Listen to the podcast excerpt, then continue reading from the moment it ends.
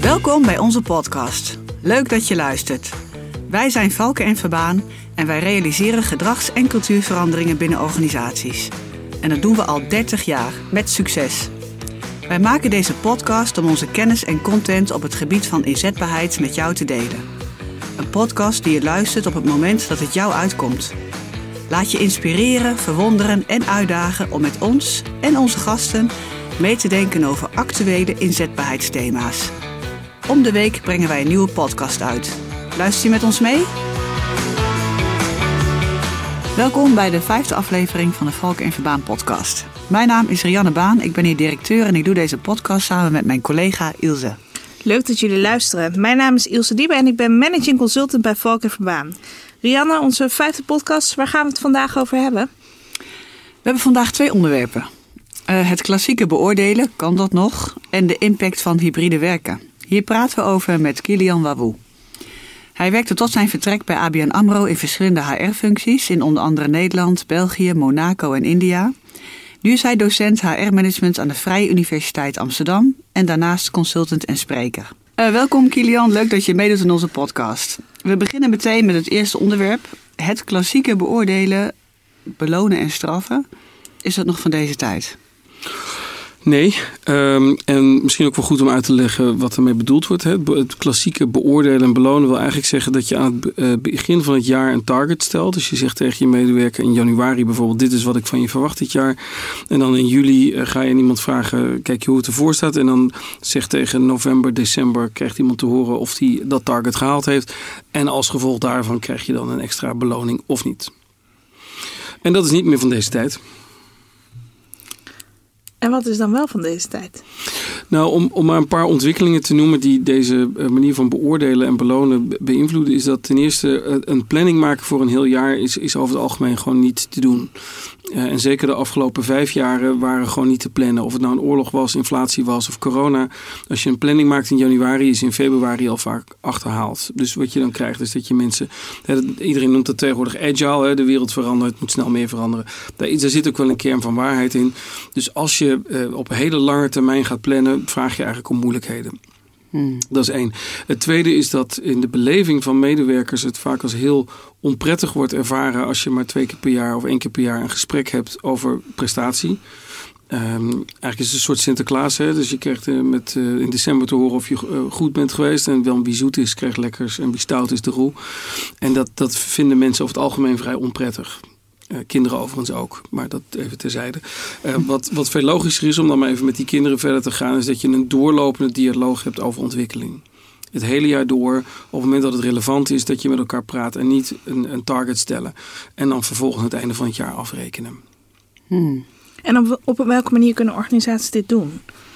Je wilt een alternatief uh, verzinnen. Ja. Ja, door uh, nou ja, ten eerste te kijken, wat, waar hebben we nou eigenlijk behoefte aan als organisatie? Nou, dan zal iedereen vaak zeggen snelle verandering. We hebben behoefte aan coaching, duurzame inzetbaarheid, stress verlagen, et cetera. Nou, het goede gesprek, dus met elkaar in gesprek gaan, is daar eigenlijk het geëigende middel voor. Dus ga met elkaar na van hoe kunnen we nou een, een planning maken die, die ergens over gaat. Korte termijn bijvoorbeeld. Of dat die veel meer flexibel is. Dat je in januari targets maakt of afspraken, dat je iedere maand kijkt. Heeft het nog zin wat we hebben afgesproken? En dat je met elkaar op zoek gaat naar een manier dat je doorlopend met elkaar in gesprek bent. Ja, wij werken natuurlijk uh, uh, met de organisatie die duurzame inzetbaarheidsvraagstukken uh, bij ons neerleggen. En een nou ja, toch wel regelmatige vraag is bijvoorbeeld de verzuimbonus. Ja. Een heel medewerker die een heel jaar niet verzuimt, die zou dan aan het eind van het jaar geld toekrijgen. Um, wat voor gedrag werkt dat in de hand? Ja, daar zitten wel een paar gevaren aan. Ten eerste kan het gebeuren dat mensen die uh, ziek zijn toch naar uh, kantoor komen. Dus zeker tijdens corona bijvoorbeeld, als je dan corona had, dan, dan was zij eigenlijk die bonus, ga alsjeblieft naar kantoor, want anders ben je gewoon geld kwijt. Of niet ga alsjeblieft, maar dan, dan is dat dus de keuze. Dat is één. Het tweede, als iemand bijvoorbeeld heel ernstig ziek wordt, ja, is het dan een aardig bericht om tegen iemand te zeggen, je hebt een, een hele nare ziekte gekregen, maar je krijgt ook nog eens geen bonus. Hè? Mensen beleven dat vaak als het verliezen van iets. En niet het krijgen van een beloning, maar eerder het, het niet krijgen van iets voelt vaak als, als verlies. Dus er zitten toch wel een paar nadelen aan. Wat denk ik veel interessanter is, is om onderzoek te doen waarom is verzuim zo hoog? Uh, zit daar een reden achter? En, en de, bijvoorbeeld in de zorg of in het onderwijs, die zijn uh, notoire dat ze hoog scoren op ziekteverzuim. Maar hoe komt dat? Nou, dat komt omdat die mensen vaak enorm betrokken zijn juist. Of omdat ze geen autonomie hebben. Dus mensen in het onderwijs uh, worden helemaal gek van die lijstjes die ze moeten invullen. in de zorg ook. En dat leidt tot heel veel stress. Of, of ouders die vervelend zijn, of patiënten die, die agressief zijn. En dan moeten we daar liever wat aan doen dan geld steken in een verzuimbonus. Dus ik, ik ben er nogal kritisch op. Dus met elkaar in gesprek gaan wat er andere oorzaken zijn ja. die daarvan invloed zijn ja. vanuit de werksituatie. Ja, op dit moment, nu wij met elkaar praten, weten we gewoon dat het ziekteverzuim in Nederland is nog steeds heel hoog. Ook heel veel geestelijk verzuim. Ik zie hier mensen knikken. Ik weet niet of jullie dat, dit herkennen. Mm -hmm. Maar maar laten we eens op zoek gaan naar de vraag hoe dat kan. In plaats van dat we mensen nu gaan sturen in hun gedrag met, met belonen of straffen.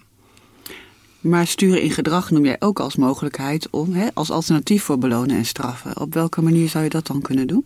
Um, ga even kijken of ik je vraag goed begrijp. Bedoel je van hoe je het goede gesprek kan inzetten om verzuim te voorkomen? Ja, zoals jij aangeeft, het werkt beter om mensen te ondersteunen in gedragskeuzes te maken. Ja, ja. Um, nou is het bij, bij ziekte soms lastig, want je mag niet zomaar ingrijpen in iemands privéleven. Als iemand gaat skiën en breekt zijn been, heb je daar als werkgever heb je daar last van. Um, dus in de privésituatie is het lastig. Maar heel veel verzuim komt ook omdat mensen verkeerde keuzes maken in, in hun werk. En een van de vragen die je mensen moet stellen is: is datgene wat je doet in overeenstemming met waar je eigenlijk goed in bent. Uh, en om even mijn, al mijn persoonlijke problemen hier op tafel te gooien. Uh, ik, ik ben docent, daar, daar uh, krijg ik heel veel energie van. Ik moet cijfers invoeren, word ik helemaal gek van. ik zou het fijn vinden als mijn leidinggevende met mij het gesprek aan wil gaan van, van kan ik je ondersteunen? En dat is relatief weinig werk, maar de impact op mijn stressniveau is heel hoog. Um, kortom, ik moet gecoacht worden in de keuzes die ik maak binnen mijn, um, binnen mijn werk. En waarom zou die doorlopende gesprekken uh, in het kader van duurzame inzetbaarheid zo belangrijk kunnen zijn? Ja, omdat uh, een beetje negatief uh, gesteld, maar wij zijn eigenlijk allemaal bezig in een soort glijvlucht naar incompetentie. Want de wereld verandert. Hè? Dus je, je, was ooit competent. Nou, neem, neem mij, ik ben docent. Um, en nu is het ChatGTP. Dat was er vorig jaar niet. En, en nu is mijn werk fundamenteel veranderd. Mijn studenten gaan anders opdrachten maken. Uh, tentamens zou ik kunnen laten. Ik zou heel veel van mijn werk kunnen uitbesteden aan, aan artificiële intelligentie. Kortom, mijn werk is veranderd en ik moet dus doorlopend mee veranderen. Dus een competent persoon vandaag is dat morgen niet noodzakelijkerwijs. En het gesprek moet zijn in hoeverre is datgene wat je doet in overeenstemming met wat je kan. Maar wat, wat er van jou verwacht wordt, verandert steeds. Nou, ChatGTP is denk ik een heel leuk voorbeeld van hoe uh, de arbeidsmarkt fundamenteel kan veranderen. Ja. Ja, in onze vorige podcast hebben we het ook gehad. Hè? Hoe past de werkjas en dat je er vaker bij stil moet staan. Of, ja. uh, of die nog passend is. Ja. Omdat uh, de omstandigheden onder andere dus veranderen. Ja, wat wel goed is misschien om, te, om op te merken. Is dat uit heel veel onderzoeken blijkt dat mensen daar zelf over het algemeen een vrij slecht zicht op hebben. Mm. Dus iemand die uh, uh, bijvoorbeeld de uh, computervaardigheden niet heeft omarmd. Die heeft vaak niet door dat hij eigenlijk bezig is om, om incompetent te worden. Die denkt nog met de oude mindset. Um, ik was bijvoorbeeld laatst bij. Ik sprak laatst een aantal conducteurs, hè, dus mensen bij de NS. En dan vraag je van, maar jullie, zijn jullie ervan bewust dat op zich het, het vak conducteur en ook machinist op zich technisch dadelijk gewoon niet meer nodig is? Je komt een station binnen, je wordt herkend. Uh, en tegen de tijd dat jij uh, iets vervelends hebt gedaan, heb je de boete al, al, al thuis al binnen, bij wijze van spreken. En een, een conducteur die, die uh, bedient een trein, maar ja, dat kan een computer ook. Dus hoe ziet jouw toekomst eruit? Nou, als je dan met mensen praat die dat dan beseft, die, die, die hebben, dan, dat besef hebben ze vaak helemaal niet. of de notaris die helemaal niet doorheeft dat, dat blockchain misschien zijn hele werk overbodig maakt. Totale ja, ontkenning van de werkelijkheid. Ja. En hoe kan het leidinggevende daar nou goed op inspelen, op die gesprekscyclus zoals jij die noemt? Ja. Nou, ten eerste moet een leidinggevende zich van bewust zijn dat de wereld doorlopend verandert. Dus die ontwikkelingen moet je volgen. Als jij nu in het onderwijs werkt en je, hebt niet, je denkt niet na over ChatGTP, dan heb je echt iets gemist. Hmm. Uh, en dat geldt eigenlijk voor bijna alle uh, beroepen waar je met je hoofd werkt. Is artificiële intelligentie gaat ons werk veranderen? Nou, dus als leidinggevende moet je dit soort ontwikkelingen volgen. Als je het niet kan zelf, besteed dat uit aan iemand die dat wel kan. En ga met die medewerker het gesprek aan. Is datgene wat je kan in de toekomst nog relevant? Ja. ja. En dat gesprek moeten we doorlopend voeren. Dus als leidinggevende moet je eigenlijk nog veel meer op de hoogte zijn van alle snelle ontwikkelingen dan andere medewerkers. Ja, eigenlijk wel. Ja. Eigenlijk wel. Naast uh, net die verzuimbonus die we hebben besproken, uh, zien we ook wel bij Valkenverbaan het Lourdes-effect ontstaan. Dus uh, nou, hè, op het moment dat een medewerker in verzuim zit, in veel cao's staat dat het eerste jaar 100% salaris krijgt. Um, maar ja, met een jaar en een dag gaat dat terug naar 70%. En dan zien we vaak dat medewerkers nou, weer terug op de werkvloer zijn. Hoe kijk jij hiernaar? Ja. Het is misschien een beetje vloeken in de kerk, maar een deel van het verzuim hebben mensen ook echt wel zelf in de hand. Dus ik, heb, ik zie dat ook heel vaak. Dat op het moment dat er toch iets van een beloning of een straf op staat, dan. Um, dat mensen inderdaad wonderbaarlijk dan weer, weer terugkomen. Laten we eerlijk zijn, een groot deel van het verzuim is uh, uh, bijvoorbeeld het verzuim van de ziekte van een kind leidt tot het uitvallen van een van de ouders. Um, dus een van de redenen van verzuim is dus helemaal niet dat, dat die persoon op dat moment nou echt niet naar het werk kon. En dat is toch wel goed om dat uh, te beseffen. En in zo'n geval werkt overigens zo'n bonus dus wel, want dan, nou ja, dan, dan krijg je dus het wel het gewenste gedrag. Ik weet dat dit enigszins een tegenstelling is met wat ik net zei, maar we hebben het hier over mensen die verzuimen omdat ze eigenlijk niet ziek zijn. Um, dat Lourdes effect, uh, leuke term trouwens, um, of je dat nou of dat nou een positief effect heeft, weet ik natuurlijk niet. Um, als iemand bijvoorbeeld een burn-out heeft, nog niet hersteld is, maar toch weer naar het werk komt, dan is de vraag of dat nou, is dat nou goed of slecht? Hm. Kortom, wil je een half herstelde medewerker terug hebben op de werkvloer? Ik, ik kan dat niet met zekerheid zeggen. We hebben het gehad net uh, even over belonen en straffen. Um, en belonen kan natuurlijk financieel, hè, daar hebben we het net vooral over gehad. Maar uh, we zien ook veel meer organisaties die nou, hè, belonen of andere werkwijzes doen op een andere manier. Um, vanuit de regelruimte uh, bijvoorbeeld, het meer geven van regelruimte. En hybride werken is daar ook een vorm van, uh, waar jij ook veel kennis over heeft. Um, kan je daar iets over vertellen, het hybride werken? Ja, um, wat mij nu opvalt is dat uh, sinds de pandemie, eh, zover als ik weet, is er geen enkel bedrijf failliet gegaan omdat uh, dat we niet thuis konden werken. Dus blijkbaar uh, voorziet het in een behoefte en is het gewoon überhaupt mogelijk. Dus dat is het goede nieuws. En op het moment dat je gaat, hybride gaat werken, kun je files verminderen, je kunt werkdruk verminderen. Mensen krijgen een betere balans werk-privé. Dus eigenlijk is het een en al hosanna. Maar er blijkt dat er een groep is die heel veel last heeft van de afwezigheid van collega's. Dus op het moment dat uh, wij zitten hier met z'n drie in de studio, uh, dat uh, ik hybride ga werken en jullie missen mij, omdat ik bijvoorbeeld bepaalde kennis heb die jullie niet hebben, dan kan ik me heel fijn voelen thuis, maar jullie missen mij. En wat ik nu zie in organisaties is dat mensen nog steeds heel erg vanuit zichzelf redeneren en eigenlijk gewoon precies doen waar ze zelf zin in hebben. Dus ik zie gewoon hele afdelingen die thuiswerken en die uh, of allemaal mensen die. Ik, ik, heb collega's bijvoorbeeld die ik al twee jaar niet meer heb gezien. Nou ja, dat is, dat, en daar zit het gevaar van hybride werken. Dat de afwezigheid van de een het gemis is voor de ander. Mm, zijn er ook positieve effecten van het hybride werken? Eh, positief, nou, wat ik net zei, dus minder files, minder, uh, ja. sommige mensen ervaren ook minder werkdruk. Uh, dus ze vinden het voor zichzelf gewoon heel erg prettig. het verzorgen van kinderen of niet meer gestrest langs de file moeten rijden om op tijd bij de kinderopvang te zijn. Kortom, er zitten heel veel positieve effecten aan die we zeker moeten houden. Maar ik ik zie echt een heel negatief. Dat de rekening van corona hebben we sowieso bij de jeugd neergelegd. Dus gewoon in ontwikkeling. Is het sociale ontwikkeling is heel belangrijk als je tussen, laten we zeggen, de 15 en 25 bent. En ik ben 50, ja, ik heb er niet zoveel last van. Uh, en dat geldt nu ook op de werkvloer. En om een voorbeeld te geven, een van mijn studenten die kwam laatst uh, op de eerste werkdag of op de stagedag. Er staat een laptop, er staat een bos bloemen en er is niemand. Ja. Ja, en al die leeftijdsgenoten van mij die zitten balanswerk privé te vieren in hun koophuizen. Met goede wifi en een eigen werkkamer. Ja, maar, maar, maar wat doen we met de volgende generatie? En daar maak ik me wel zorgen over. En als je kijkt naar hybride werken ten opzichte van verzuim? Ja, er is nog niet heel veel onderzoek naar gedaan. Maar het, het, zoals, zoals we al eerder vaststelden, een deel van het verzuim is bijvoorbeeld uh, privéproblemen. Dus mensen komen niet naar het werk omdat nou ja, echt, uh, nou ja, ik, ik hoor soms in interviews de raarste dingen. Van de hond kan niet alleen zijn, dus ik, ga, dus ik wil thuis zijn. Of mijn kinderen hebben me nodig. Of nou, weet ik wel, een privéreden. Op het moment dat je dan mensen de ruimte geeft om thuis te werken. Ja, dan, dan is dat verzuim. Heb je dan niet meer. Ja, of dat mensen zeggen, ik ben eigenlijk niet helemaal lekker. Maar ik, en, nou, vroeger zou ze een dag ziek melden en nu werken ze een dag vanuit huis. Dus een deel van het ziekteverzuim zal gaan verdwijnen door hybride werken. En dat is op zich positief, mits, en ik moet mijn punt toch nog één keer maken, we genoeg rekening houden met ehm, kwetsbare mensen of nieuwe medewerkers of, of mensen die, die uh, kennis missen. En je gaf natuurlijk eerder aan dat juist dat dialoog zo belangrijk is, hè, om dat regelmatig te doen hè, in het kader van al die snelgaande veranderingen. Ja. Het is natuurlijk niet gezegd dat het hybride niet kan, maar denk je dat het een ander effect heeft? Ja, wat ik, uh, ik begeleid af en toe dit soort dialogen. Er zijn een paar valkuilen. E-, de eerste is dat vaak het gesprek wordt aangegaan met de hele groep. Hè. Dus uh, managers zeggen van ja, ik ga geen, ga geen regels opleggen, ik ga kaders stellen. Wat, wat vaak betekent dat, mensen dus gewoon doen waar ze zin in hebben.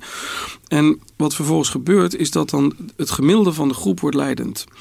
En uh, ik was laatst bij een afdeling, interessante dynamiek. De gemiddelde leeftijd was, was mijn leeftijd, wat overigens ook de gemiddelde leeftijd is van de van de Nederlander op de werkvloer. Ze eind 40 ongeveer.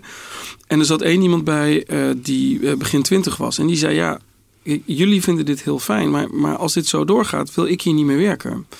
Oftewel, als jij tien collega's hebt. Acht vinden dat hybride werken fijn. één is neutraal en één wordt er helemaal depressief van. Is dat gemiddeld een prima score.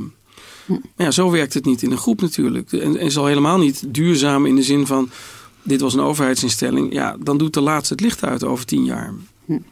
En dat is wat ik op dit moment zie gebeuren. Bijvoorbeeld bij overheden is een, goed voorbeeld. Gemiddelde leeftijd is hoog, boven, soms wel boven de 50. Relatief weinig jongeren. En raar, welke groep vindt het nou niet leuk om zo te werken? Jongeren. Ja. ja, wat is dan nog je toekomst?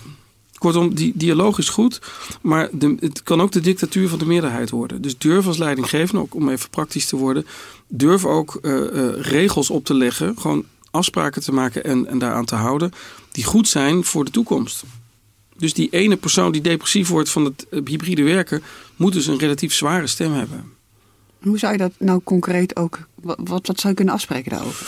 Nou ja, ik zou dus ten eerste zeggen, ga dus niet het uh, individu voorop stellen. En dat is natuurlijk toch wat we in HR 30 jaar uh, geroepen hebben. Hè? Employee happiness en uh, experience. En jij moet allemaal heel erg gelukkig zijn en zo. Maar gaat het niet in essentie in eerste instantie om de groep? En, en hebben we dat in corona niet überhaupt gemerkt? Ik had met mijn zoon een, discussie die zei... ik wil niet gevaccineerd worden, want ik ben gezond. Toen dacht ik, ja, dat snap ik wel. Maar het gaat niet om jou. Jij bent 16 en jij bent gezond, maar... Het, de, het vraagstuk is jij in relatie tot je grootouders. En iedereen mag vinden van vaccinaties wat hij wil. Maar het vraagstuk was niet wat vind jij als individu, maar wat is goed voor ons als groep. En op de werkvloer geldt denk ik hetzelfde. Ja, een metafoor. Ja. Als we kijken uh, in de organisaties die, uh, die wij ondersteunen, uh, dan zien we toch ook wel dat het hybride werken vaak bij leidinggevenden ehm, nou, een struggle kan zijn. Ja. Eh, waar wij ons heel erg focussen is wat kan je aan de voorkant met elkaar afspreken? Hoe kan je nou signalen zien of iemand nog in balans is of die werkjas nog goed past? Um, maar leidinggevenden struggelen dan wel met, ja, mijn medewerkers zie ik weinig. Of als ik op kantoor ben, dan zijn zij er weer net niet. Uh, waardoor ze die signalen en ook dat doorlopend gesprek, wat misschien soms dan wat eerder nodig is, niet altijd kunnen opvangen. Hoe kijk jij daarnaar? Stel je voor, ik heb, ik heb, dus niet stel je voor, dat is zo. Ik heb twee kinderen. En um, uh, als ik op zaterdag thuis ben, kost dat heel veel van mijn productiviteit. Kosten zeg ik natuurlijk tussen aanhalingstekens, maar uh, uh, zij kosten mij heel veel tijd. Ik kan niet rustig de krant lezen. Um, op het moment dat ik dan tegen mezelf zeg, ja, we gaan een hybride gezin vormen. Dus op zaterdagmiddag ga ik, ga ik ergens anders heen, want heb ik tenminste rust. Ik zie jullie nu al een beetje lachend naar me kijken. Dat is best raar, want ik heb een verantwoordelijkheid ten opzichte van, in dit geval, de volgende generatie. En stel je nou eens voor dat, dat mijn vrouw dan zou zeggen: ja, hij is wat weinig thuis, want hij wordt een beetje gek van die kinderen en van mij. Hoe lokken we hem nou wat vaker naar huis? Want dat is eigenlijk wat ik kleine gever hoor zeggen. We moeten mensen wat vaker naar kantoor lokken, het moet leuk zijn. Terwijl jullie waarschijnlijk nu al voelen van ja, joh, je hebt een verantwoordelijkheid ten opzichte van eh, kinderen in dit geval. Dat, dat, je wordt gewoon geacht dat te doen. Dus je moet niet op zaterdagmiddag denken dat jij de krant kan lezen. Kan gewoon niet. Dus je, je, we verplichten jou gewoon om hier te zijn, zegt de gezinscoach. Dit is overigens een fictief voorbeeld. Um, nou, terug naar de werkvloer. Ik hoor leidinggevenden zeggen: ja, sommige mensen komen niet meer. Hoe kan ik ze nou verleiden om hier toch te komen? Kaders stellen en zo. Als jij iemand 4000 euro per maand betaalt, mag jij gewoon zeggen: Ik verwacht jou gewoon hier. En we hebben een vergadering en die is niet hybride. Je moet gewoon hier zijn. En dat je hond uh, zich niet goed voelt of uh, weet ik veel. Zelfs als mantelzorger of zo. Ja, je wordt geacht hier te zijn. En nou ja, ik denk dat leidinggevenden toch wat meer af moeten van kaders stellen en iedereen gelukkig maken. Maar durf gewoon eens iets te vinden. Ja. Ik dus- weet niet of ik nou bij de fietsenstalling word opgewacht, maar... Uh, maar... Dus uh, wat Ilse net zegt, juist dat dus ook aan de voorkant afspraken over maken. Ja. ja. Zodat je weet wat er van je verwacht wordt. Ja. ja. Op dinsdagmiddag vergaderen we hier op kantoor en daar word je geacht te zijn. En wat doen mensen nu? Die zeggen, ja, ik red het toch niet, ik bel wel in. Nee, dat, dit, dat is niet de afspraak. En, en ik verwacht van jou dat je er gewoon bent. Ja. En dat is toch een misschien wat zakelijkere manier uh, van leiding geven. Ja. Um, wat maakt dat leidinggevenden dat zo lastig vinden? Ja, um, waarom leidinggevenden dat lastig vinden is... Uh, heel veel leidinggevenden zijn gewoon niet zo goed in leiding geven. En ik, ik ben ook wel benieuwd wat jullie ervaring is. Maar heel veel leidinggevenden komen eigenlijk naar externe toe... Uh, om, om hulp te vragen, omdat ze het moeilijk vinden om, om leiding te geven... om gewoon kaders te stellen. Terwijl als ik mensen in een privé-situatie dat vaak veel beter doen ja, mijn dochter moet op een bepaalde tijd naar bed. Ik ga echt niet vragen wat ze daarvan vindt. Ik, dit is gewoon wat ik van je verwacht. En um, nou weet ik wel dat, dat een medewerker is niet een kind. Maar iets meer sturen en kaders bieden. En gewoon zeggen wat je van iemand verwacht voor die duizenden euro's die iemand per maand betaalt. Dat zou denk ik niet gek zijn. Nee. Ja, wij noemen dat met name de leiderschapsstijl uh, warme zakelijkheid dus dat je wel uh, dat je ook uh, wilt helpen, maar dat je wel eisen stelt aan die begeleiding. Ja. en dat, uh, dat het ook, en ook afspraken maakt over het resultaat. Ja. Ja. Ja, en ik mis dat heel erg. En ik geef toe, wij in HR hebben natuurlijk jarenlang geroepen: iedereen moet gelukkig zijn. En misschien is dat sowieso een beetje een maatschappelijke trend dat je heel erg op zoek bent van ja, maar word ik hier wel gelukkig van? Ja, maar er moet wel een bepaalde taak volbracht worden. En ik kom nu op afdelingen of bij, eh, of bij organisaties. Ik begeleid nu één organisatie waarvan één afdeling gewoon niet meer naar kantoor komt. Er is helemaal niemand meer. Hmm. En die leidinggevende komt naar mij toe en die zegt: Ja, ik weet niet wat ik moet doen. Nou, zeggen wat je van ze verwacht. Want er komt op een gegeven moment zo'n 22-jarige stagiair en die wil ook bij die afdeling horen en er is niemand. Ja, dan, dan daar gaan ze met pensioen. En, en wie neemt het dan over? Kortom, leidinggevende durf gewoon eens te zeggen wat je van iemand verwacht. Mooi. Ja, in het artikel uh, Leiderschap uh, in het Corporate Brain uh, heb jij het over restaurantfeedback. Ja. Wat bedoel je daarmee? Daar bedoel ik mee dat, eh, en ik hoop dat iedereen de, in de volgende keer dat ze in een restaurant zijn aan mij denken, dat je in een restaurant komt en dan wordt jou de vraag gesteld, heeft het gesmaakt? En wat zeg je dan? Ik test even. Wat zeg je dan? Ja, zeker. Lekker. Lekker, heeft gesmaakt ongeacht dus hoe het gesmaakt heeft, je, je, um, je geeft een antwoord waar iemand dus eigenlijk niks mee kan. Je liegt. Eigenlijk is dat wat je doet. En, en in ieder geval geef je niet de hele waarheid. Want je hebt een hele customer experience. Je hebt een hele ervaring in dat restaurant. Maar je, maar je, krijgt een vraag en je geeft een oneerlijk antwoord. Terwijl de vraag cruciaal is. voor een restaurant is het cruciaal dat, dat de gast uh, te, tevreden is. En wat mij fascineert in organisaties is dat ik heel veel restaurantfeedback tegenkom. Dat het er ongelooflijk veel toe doet wat iemand ervan vindt maar dat je er eigenlijk niet naar vraagt en het ook eigenlijk niet eens wil weten. Dus ik ben dus wel een leuk verhaal. Ik ben eh, in het kader van mijn, van mijn laatste boek ben ik daar eens mee begonnen in restaurants. Als ze vraagt, nou heeft het gesmaakt, dan ga ik dus echt vertellen wat ik ervan. Dus het eerste wat ik dan vraag is, wil je het echt weten? Nou, dan schrikken ze al. en dan ten tweede zeg je, ja, als je het echt wil weten, dan moet je even komen zitten, want ik vind nogal wat. Nou, daar wordt nogal lauw op gereageerd. Um, terwijl het cruciaal is. Dus ik ben een, ik ben een, um, een uh, medewerker. En ik wil eigenlijk, als ik wil relevant wil zijn, moet ik dus blijven vragen: wat, ja, wat kan ik beter doen? Uh, heb, heb ik nog iets te leren? Maar mensen vragen dat niet. Dus wat we elkaar geven op, op de werkvloer is vaak restaurantfeedback. Dus de cruciale vraag: wat kan ik beter doen? Die wordt eigenlijk dus niet beantwoord. Hmm. Dus medewerkers moeten die vraag ook aan zichzelf stellen, zeg je daarmee? Ja, wat een veel betere vraag is, een hele simpele uh, tip voor uh, een ieder die nu luistert, is vraag dus nooit meer aan mensen wat vond je ervan, maar vraag bijvoorbeeld wat had ik beter kunnen doen. En ik heb dus wel een grappig verhaal. Ik ken iemand die heeft een restaurant, die is daar een tijdje mee begonnen. Die vraagt dus niet meer wat heeft het gesmaakt, maar die vraagt uh, wat hadden we beter kunnen doen. Ja. Uh, ik moet wel eerlijk toegeven, hij is er ook weer mee gestopt. Want mensen gingen namelijk hele verhalen vertellen waar die zei, daar had ik geen tijd voor. Hm reflecteer even met me mee. Je bent dus een restaurant. Iemand gaat jou helpen om veel beter te worden. Wat de gouden informatie is. En je zegt, ik heb daar geen tijd voor. Ja. wil je dan ook echt beter worden. Exact. Dan wil je dus alleen maar bekrachtigd worden in je zelfbeeld. Kortom, als je professional bent, iedereen die luistert, en jullie zijn allemaal professionals, vraag dus aan anderen voortaan: wat had ik beter kunnen doen? Hmm. Ja, eigenlijk een hele mooie afsluiting uh, wat mij betreft, uh, Kilian. Ehm, want ja, als je kijkt naar praktische tips, dan zeg je al eigenlijk van vraag vooral wat had ik beter kunnen doen, ook in dit kader, ook als leidinggevende. Ja. Nog een, mag ik nog, nog een tip ja, geven? Uh, is, een andere tip is dat feedback verjaart binnen een week. Dus als je een probleem hebt met iemand, er is iets aan de hand, bespreek dat binnen een week. Maar niet, ga niet in december zeggen wat iemand in maart hmm. verkeerd heeft gedaan. Dat, dat werkt niet. Ehm, en als laatste, ruim tijd in om met elkaar te zitten en uh, beter te worden. Dus dat restaurant heeft dus als fout dat ze geen tijd inruimen in hun primair proces om beter te worden. En dat laatste gaat dan ook nog over hybride werken. Ik ben helemaal niet tegen hybride werken, eh, begrijp me niet verkeerd.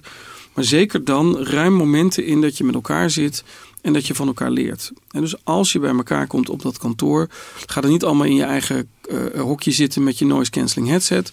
Maar neem ruimte om juist van elkaar te leren. Oké, mooi. Dankjewel. Ja, we komen bij de afronding uh, van deze podcast. Uh, samenvattend zeg je eigenlijk geen restaurantfeedback, maar een customer journey. Anders gezegd een doorlopend gesprek tussen leidinggevende en medewerker, waarin je onderzoekt hoe iemand in zijn of haar werk zit. En leidinggevende durf je leidinggevende te zijn. Uh, Kilian, uh, Ilse en ik willen je hartelijk bedanken voor het geven van jouw kijk op dit thema. En luisteraars natuurlijk ook bedankt voor het luisteren naar alweer de vijfde aflevering van de Valken en Verbaan podcast. Ken jij iemand voor wie deze podcast ook inspirerend kan zijn? Stuur hem dan gerust door. En natuurlijk vind je ons ook op LinkedIn. Laat gerust een reactie achter. We zijn heel benieuwd wat je ervan vond. Wij gaan eerst vakantie vieren, maar in september zijn we weer terug met een hele interessante gast, Tess Keizer. Ze is eigenaar van het bedrijf And Heart en met haar gaan we het hebben over de focus binnen organisaties op cijfers, targets en regels en het effect ervan op leiderschap. Dus hou in september onze podcast in de gaten. Voor nu, geniet van de zomer.